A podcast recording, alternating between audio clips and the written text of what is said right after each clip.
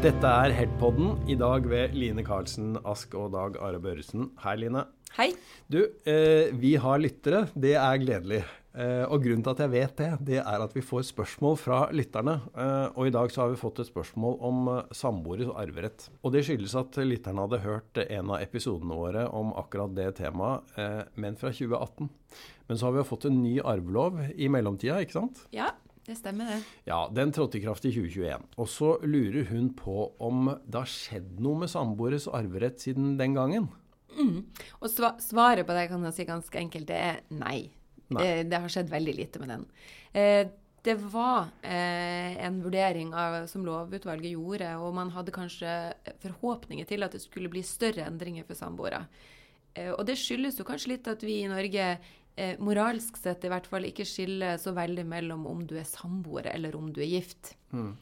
Eh, men arverettslig så er det et kjempestort skille. I den gamle arveloven så var det kun samboere som har felles barn, som hadde en arverett. Eh, og det har blitt utvida bitte litt i den nye loven med at man sier at samboere som har felles barn, har hatt felles barn, så at et barn er død, Mm. eller venter felles barn, de har en arverett. Ja, så det er den viktigste endringen. Ja, ikke sant? Så de har en arverett og en rett til å sitte i uskifta bo hvis det, hvis det er en mulighet de ønsker å benytte seg av. Eh, og det er den eneste forskjellen som har kommet i den nye arveloven. Mm. Ellers er det uendra. Men du, siden vi er inne på temaet samboers arverett, eh, så kan vi jo eh, si litt om eh, hva arvereglene faktisk går ut på, da. Eh, du nevnte dette med samboere med felles barn. Hva slags arverett har de, da?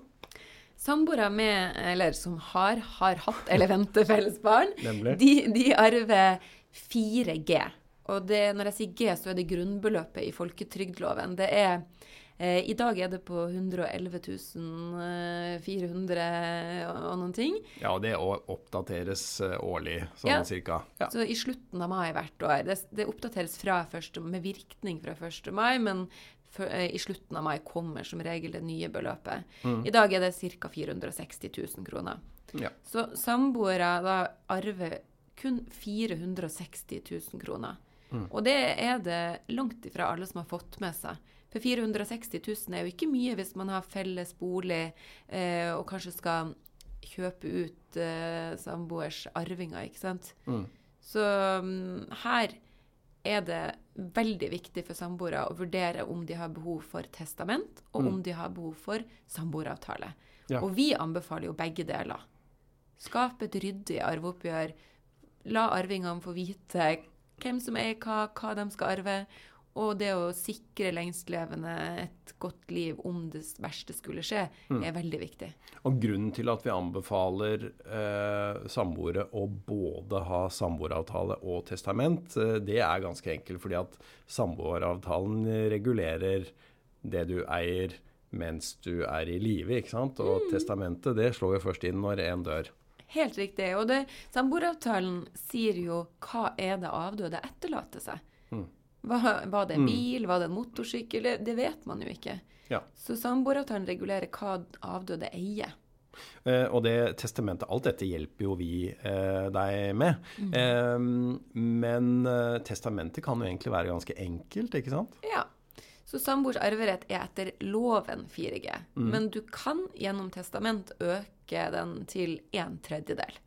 Du kan ikke øke arveretten til mer enn en tredjedel fordi vi har regler om pliktdelsarv for barn.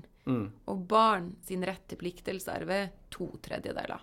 Nemlig, så da kan egentlig testamentet lyde noe sånt som at uh, alt jeg etter loven kan testamentere til min samboer sånn og slik, det skal skje. Det er helt riktig.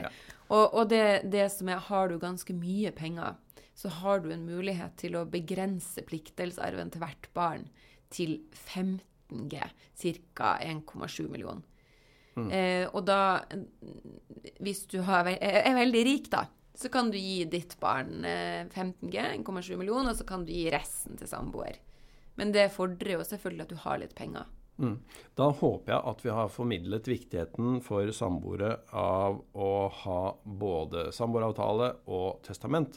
Men så må vi snakke om det som kommer som en eh, enda større overraskelse på en del, og det er eh, hva med samboere som ikke har felles barn? Hva er arveretten deres? Null. Null, ja. Null, ikke sant? Og det, det, kommer som et kjempesjokk på mange. Fordi man, som jeg sa innledningsvis, moralsk sett føler seg egentlig likestilt med ektefeller. Så, så, glemmer man å sjekke loven. Og i loven så er det helt klart at samboere som ikke har felles barn, arver ingenting av hverandre. Og det kan føre til ganske vanskelige situasjoner. Ehm, jeg hadde for en stund siden en sak. Samboere i 30 år. Felles økonomi Eh, og har eh, forvalta alt sammen. Og så hadde eh, fru samboer hadde mm, ikke noe særlig kontakt med sin egen familie. Og så døde hun først. Og da måtte han selge huset for å betale ut hennes søsken, da, som arva alt etter henne. Og da har det vært sammen i 30 år, felles økonomi, arver ingenting. Det kunne jo de enkelt ha løst med testament. Mm. Og denne samboeren hadde jo ingen barn.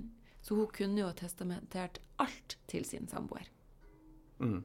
Det var uh, uh, dagens uh, tips når det gjelder samboere, og særlig hvis man er samboere uten felles barn, så må man ha et testament for at det skal være arverett mellom samboerne. Ja. Takk for at du hørte på Help-podden, og du finner altså eh, mange flere episoder om arv og andre juridiske tema der du eh, ellers finner podkastene dine i Help-podden.